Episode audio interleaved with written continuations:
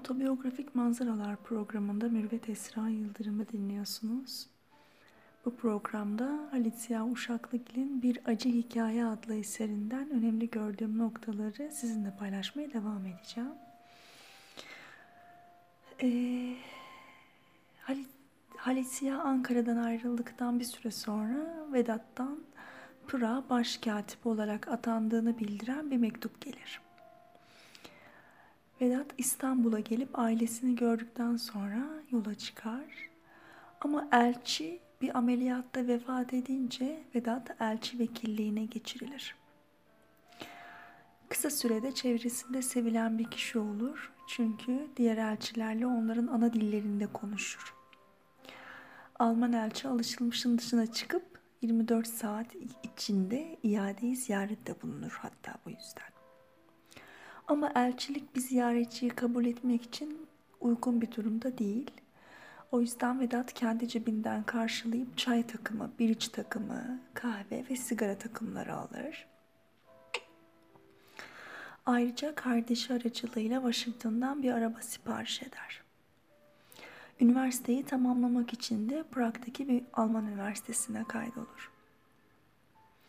Bir gün Latife Halit Ziya'yı arayıp onu çok özlediğini söyler ve daha önceden uzun bir süre kaldığı Yeşilköy'deki eve gelmek istemez, dışarıda buluşmak ister.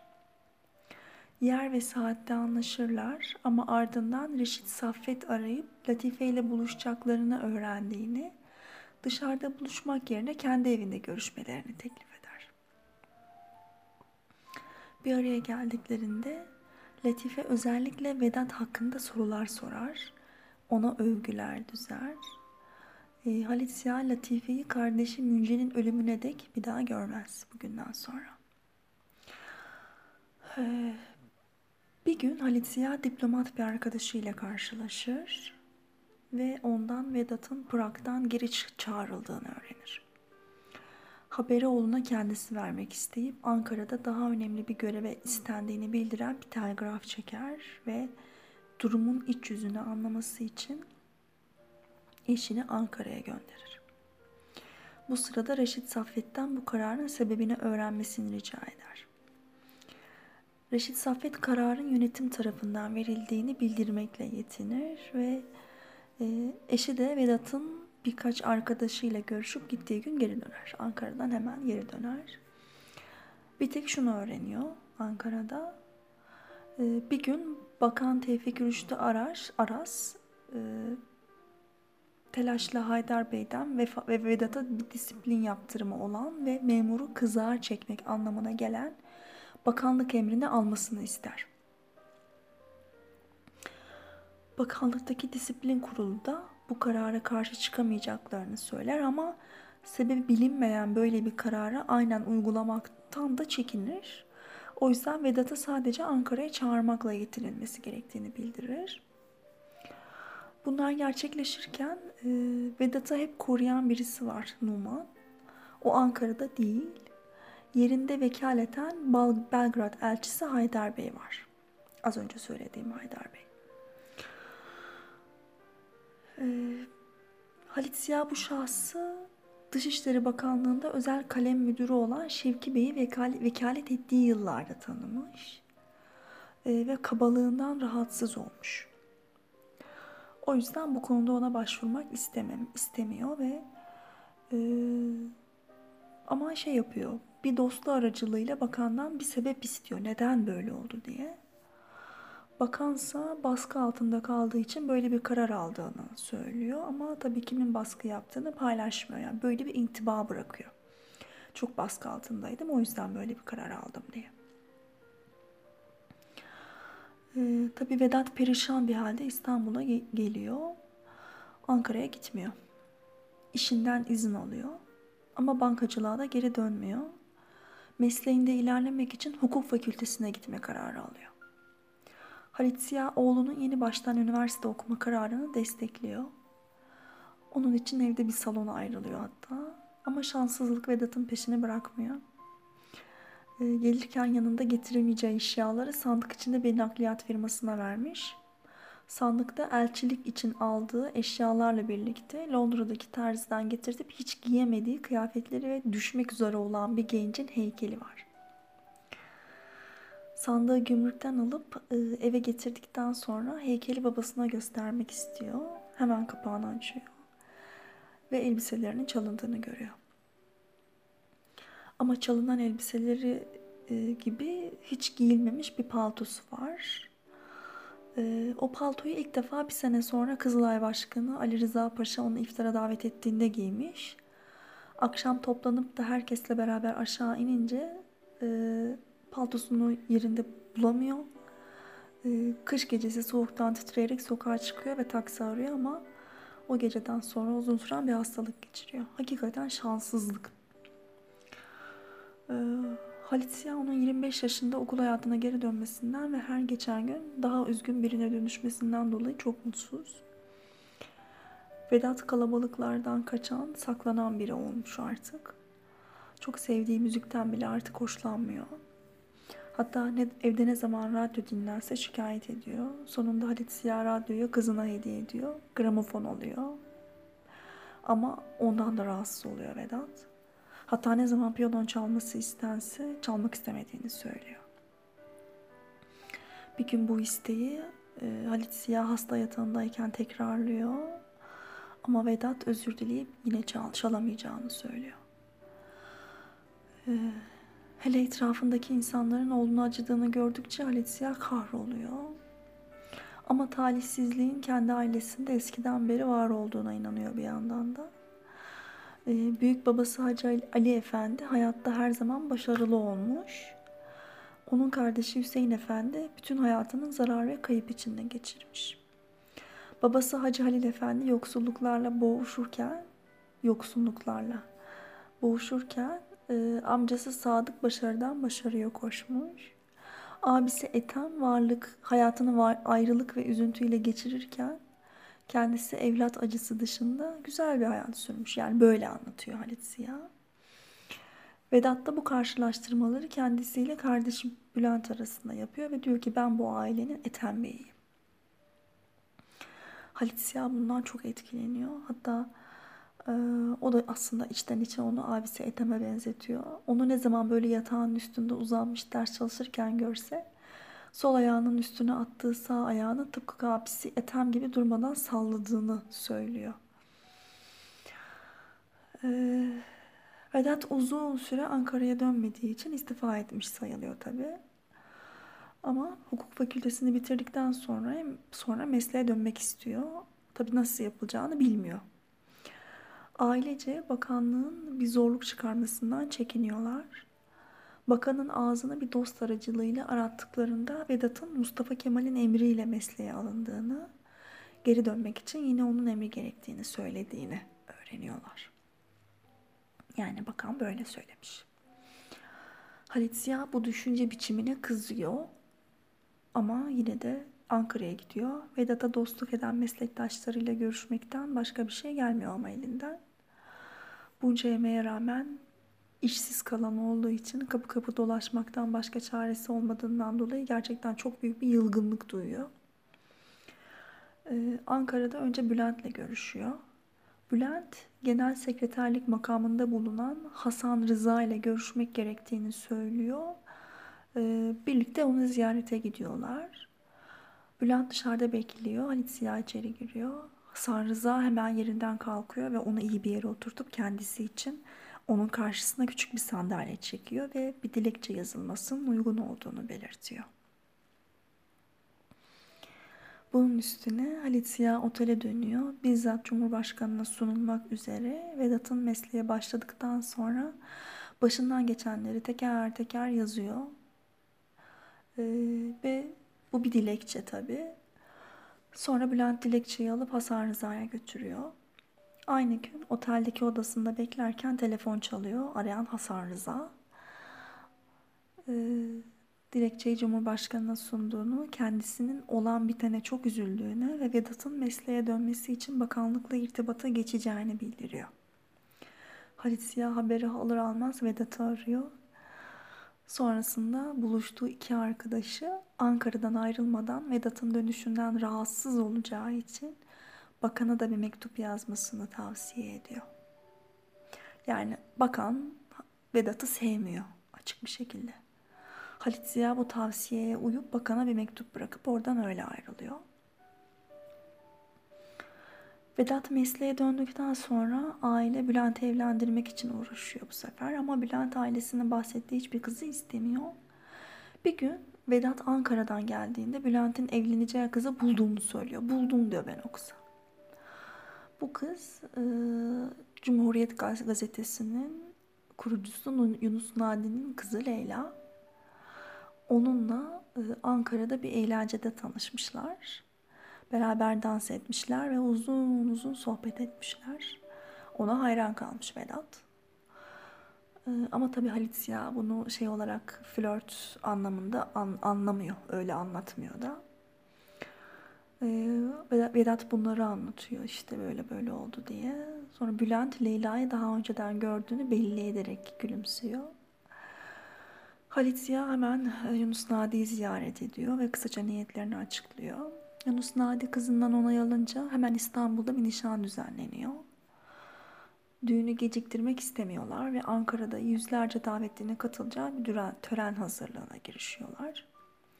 Halit Ziya ve eşi düğüne gitmek için onları trene yetiştirecek olan vapurun vaktini beklerken birden telefon çalıyor. Arayan kişi Halit Ziya'ya eşinin erkek kardeşi Mehdi'nin Ankara'ya giderken yolda öldüğünü haber veriyor kalp krizinden ölmüş. Onun ardından Vedat arayıp düğün, düğün iptal edildi diyor. Sadece nikah yapılacak.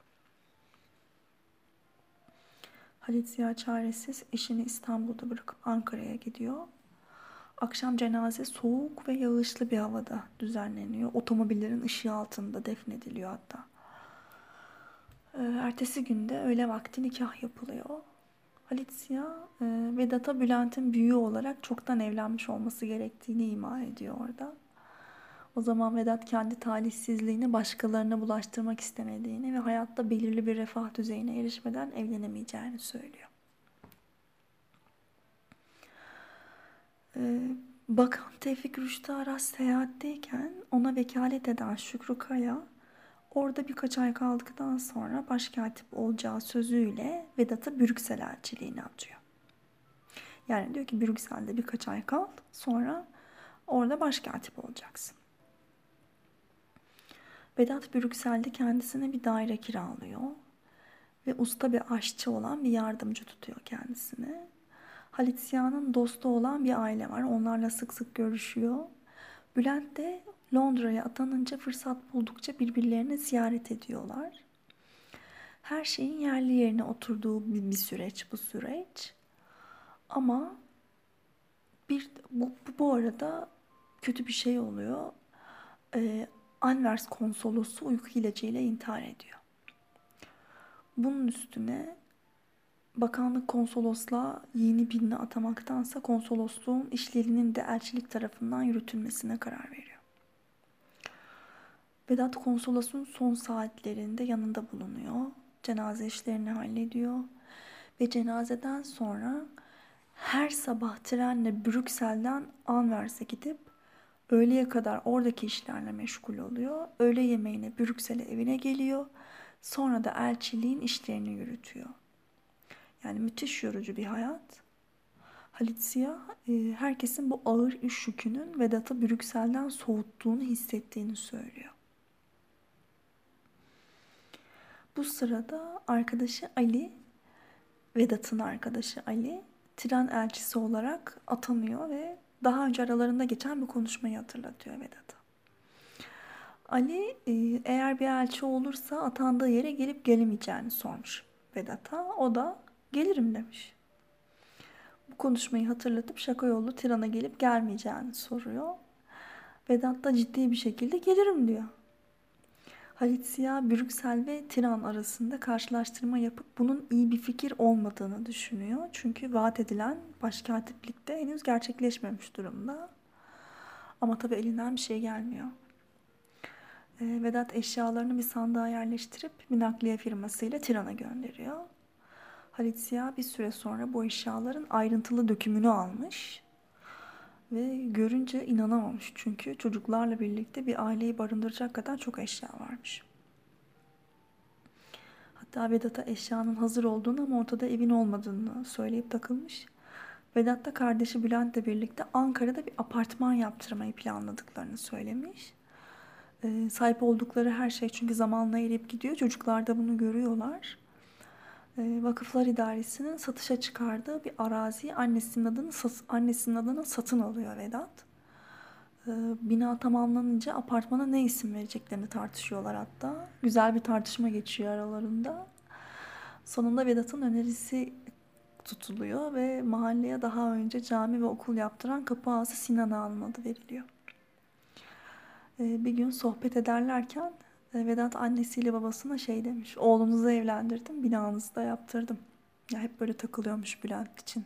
Oğlunuz diyormuş onun, ondan bahsederken bazen. Ee, Bülent e, babasına Vedat'ın ölümünden bir sene sonra Vedat'ın Tiran'a gönderdiği eşyaların da tıpkı daha önce olduğu gibi yani Prag'dan dönüşte olduğu gibi çalındığını anlatmış. Bu sefer çalınanlar arasında Londra'daki terzisine yeniden yaptırdığı elbiselerle birlikte çok sevdiği heykel de varmış. O yüzden heykelin aynısını Prag'dan getirtmiş bu düşmek üzere olan heykel. Hatta Halit Ziya onu ona benzetiyor. Ee, ama e, Brüksel'de tuttuğu ev için özel olarak yaptırdığı koltuk takımı ve diğer eşyalarını mecburen depoda çürümeyi terk etmiş. Her şeye rağmen e, Vedat tabii Tiran'daki hayatı seviyor ama yani. Kendini Tiran'da Türkiye'deki düşünce hareketlerini yakından takip eden bir topluluk içinde bulmuş her şeyden önce. Tanıştığı insanlar arasında e, babası Halit Ziya'nın kitaplarını okuyanlar da var. Bu da önemli bir şey. E, hatta bunlardan birisi Kral Zogo. Bu yüzden karşılaştıkları ilk törende Vedat'a resmiyetin ötesinde yakınlık gösteriyor Kral Zogo. Vedat organizasyon işinde bayağı iyi. E, o yüzden elçiliğin tüm davetlerini o organize ediyor Tiran'da. Ve bunu o kadar iyi beceriyor ki diğer elçiliklerde davet verecekleri zaman ondan da destek istemişler. Böylece e, Vedat elçilikte zengin bir içki, içki mahzeni de oluşturmuş bu becerisiyle. Bu sırada Bülent e, Bükreş'e asaleten başkatip olarak atanıyor. Vedat Tiran'dayken. Bu Vedat için bir sarsıntı oluyor. Çünkü artık aradaki yaş farkı ve kıdem farkına rağmen kardeşiyle aynı derecede e, kendisi kendi terfisi Brüksel'e giderken olduğu gibi burada da ertelenmiş.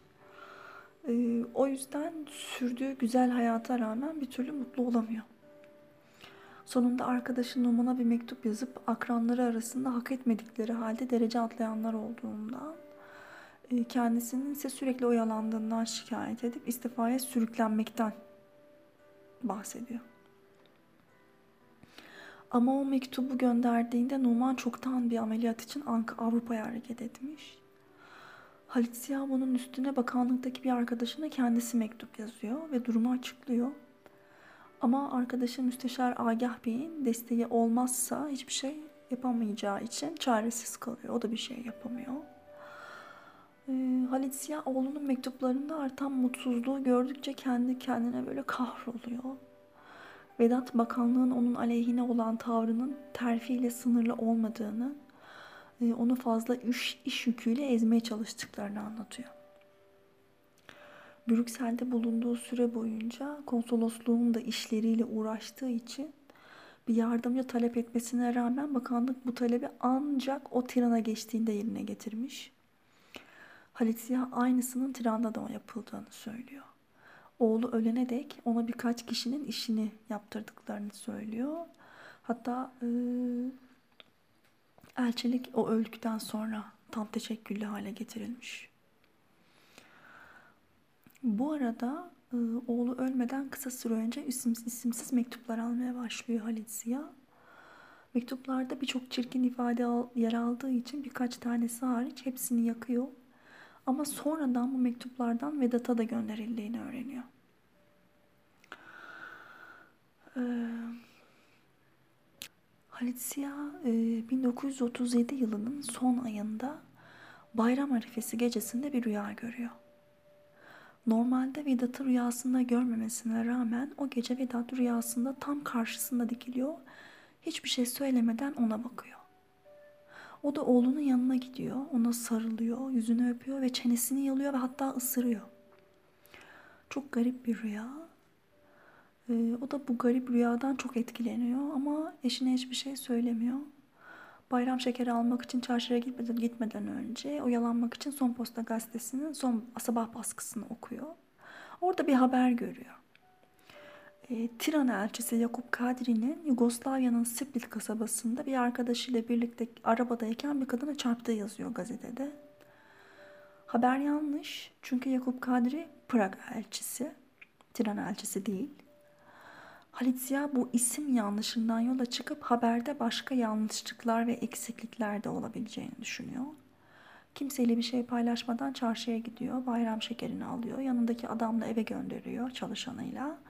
Sonra da rejideki idare meclisi toplantısına gidiyor. Durumu arkadaşlarıyla paylaşıyor. Bakanlığı aramaya karar veriyorlar orada. Ve Halit Ziya Müsteşar Agah Aksel'e gazetedeki haberi soruyor. Agah Bey soğuk bir tavırla haberin yanlış olduğunu, öyle bir olayın gerçekleşmediğini söylüyor. Halit Ziya kendisi bu kadar telaşlıyken onun böylesine soğukkanlı oluşunu çok yadırgıyor. Telaşı e, telefonu kapattıktan sonra da devam ediyor. Bu sırada Numan bir arkadaşı aracılığıyla Halit Ziya'ya bakanı aramasını telkin ediyor. Numan e, Vedat'ın arkadaşı. Halit Ziya da bu sefer e, bakanı arıyor. O daha bir şey söylemeden sormadan bakan diyor ki oğlunuzun sıhhati için elimizden geleni yapacağız. Halit Ziya dayanamıyor. Ne olduğu yere yığılıyor. Sonradan çıkan haberde Vedat'ın Anvers konsolosu gibi çok sayıda uyku ilacı içip intihar girişiminde bulunduğu yazıyor ve tabi sonra ölüyor. Ertesi gün e, haberi alanlar taziyeye, almayanlar bayram ziyaretine geliyorlar. Bayram ziyaretine gelenler Vedat'ın öldüğünü orada öğreniyorlar. Ama hiç kimse sebebini sormuyor. Halit Siyah oğlunun başına gelenleri herkesin bildiğini, o yüzden de kimsenin hiçbir şey sormadığını yazmış. Ee, son günle ilgili e, elçi Ali Türk geldiğinin anlattıkları var. Onları da aktarıyor Halit Siyah. O gün e, elçi Ali Türk geldiğiyle Vedat öğle yemeğindeyken Vedat'ın sebepsizce bakanlık emrine alındığını bildiren bir tel telgraf geliyor.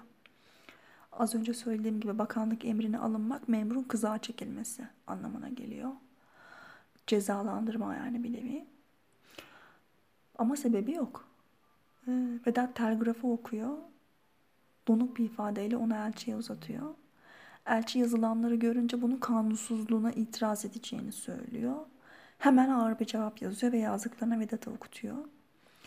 Vedat yazılanları beğeniyor ama bir gece uyuduktan sonra karar verelim diyor. Şimdi yapmayalım hiçbir şey. Ve dışarıda dolaşacağını söyleyip izin istiyor. Geri döndüğünde odasına girmeden önce çalışanlardan kendisini rahatsız etmemelerini istiyor. Ama bunu söyledikten birkaç dakika sonra zile basıp sofracıyı çağırıyor. Bayram sebebiyle elçilikte ziyafet verilecek. O yüzden sofranın çiçekleri unutmamalarını tembihliyor.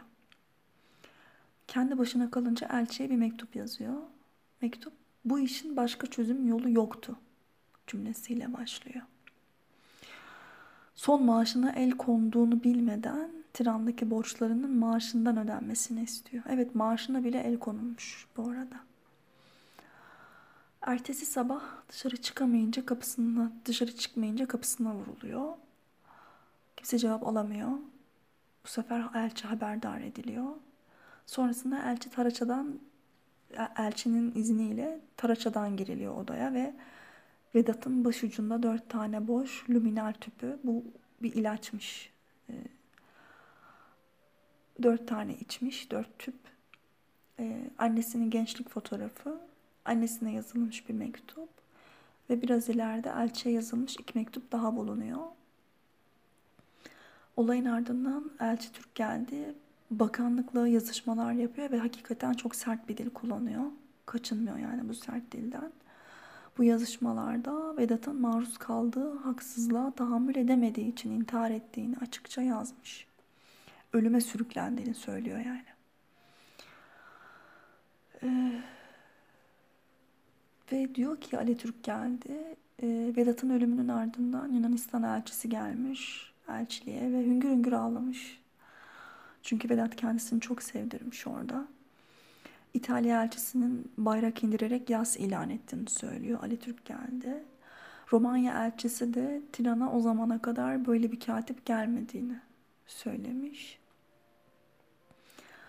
Ee, bazı diplomatlar Naş'ın İstanbul'a gönderilene, gönderilene dek e, elçilikte sergilenmesine ısrar etmişler. Bunu istemişler. Ama e, Ali Türk geldi bunun dine e, uygun olmadığını söylemiş İslam dinine.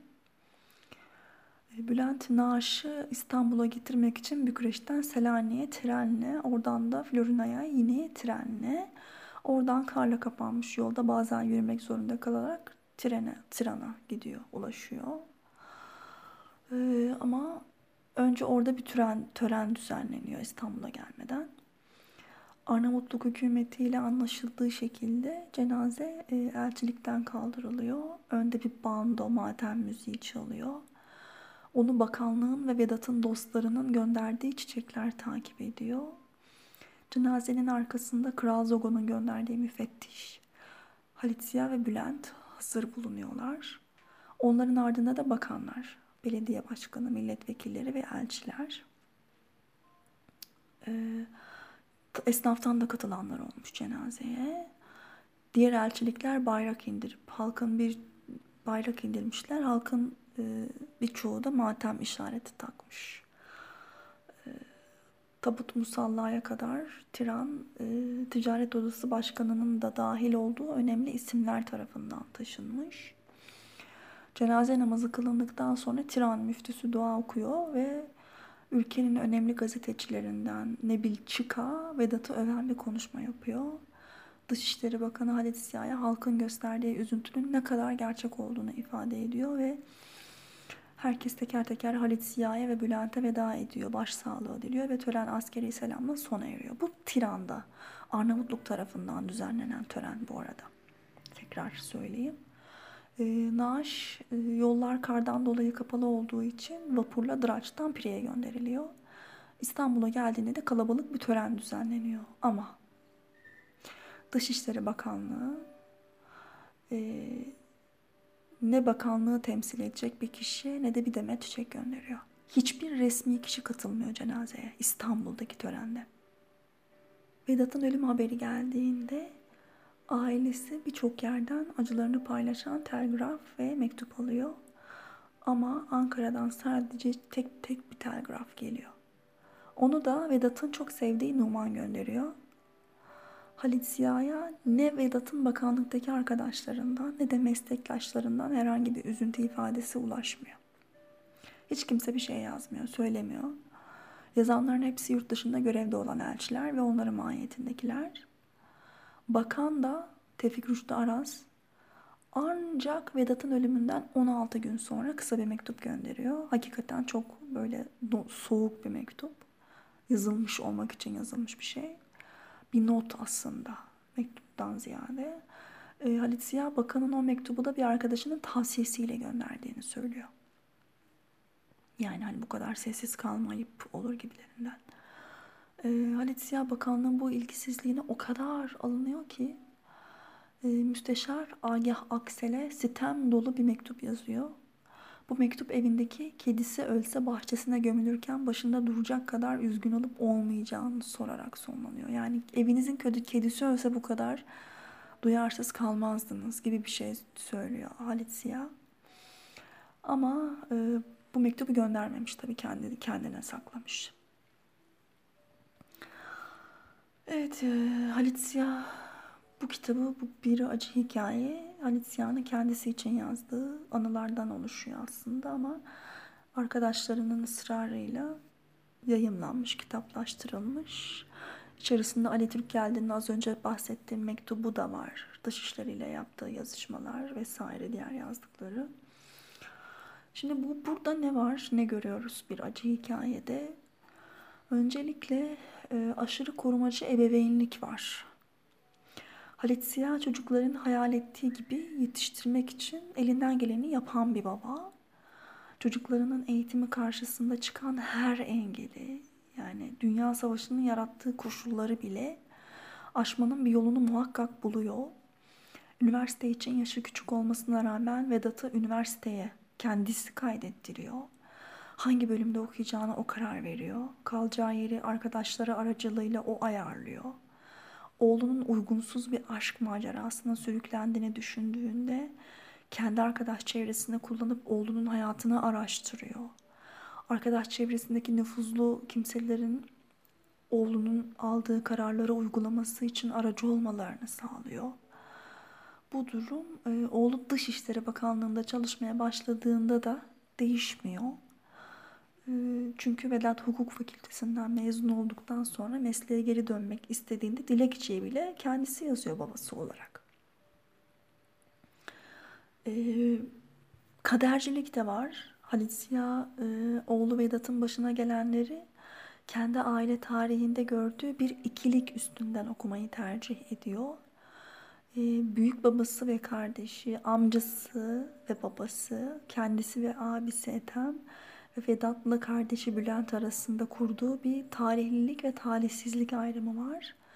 Ve Vedat'ın başına gelenleri normalleştirmeye hizmet ediyor bu ayrım. E, halbuki Bülent'in de başına gelen talihsizlikler var. Yani düğününden önceki gün dayısının vefat etmiş olması herhalde bunun en önemli örneklerinden biri. Bir de güceniklik var. E, Halit Ziya'nın oğlu Vedat Vedat'ın ardından anlattığı tüm anılarına hakim olan duygu aslında oğlunun ne kadar seçkin bir kişi olduğuna dayanıyor. Yani yetiştirilmek için çok saba sarf ettiği nazik, düşünceli ve görgülü oğlunun intiharı karşısında bu intihardan sorumlu bulduğu Dışişleri Bakanlığı'nın duyarsız tavrı onu çok incitmiş. Ölümünün Arnavutluk'ta bıraktığı etkiyi e, Tiran'daki cenaze töreninde az önce anlattığım törende görebiliyoruz. Müthiş bir özen var ama aynı özeni Türkiye'deki e, duyarsız tavırla yan yana koyup oğlunun hak etmediği bir muameleye maruz bırakıldığını dile getiriyor ki haksız değil gerçekten de e, bütün kitabı okurken sürekli neden neden neden diye soruyorsunuz. Neden böyle oldu? Evet, e, bir acı hikaye için hazırladığım son program buydu. Dinlediğiniz için teşekkür ederim.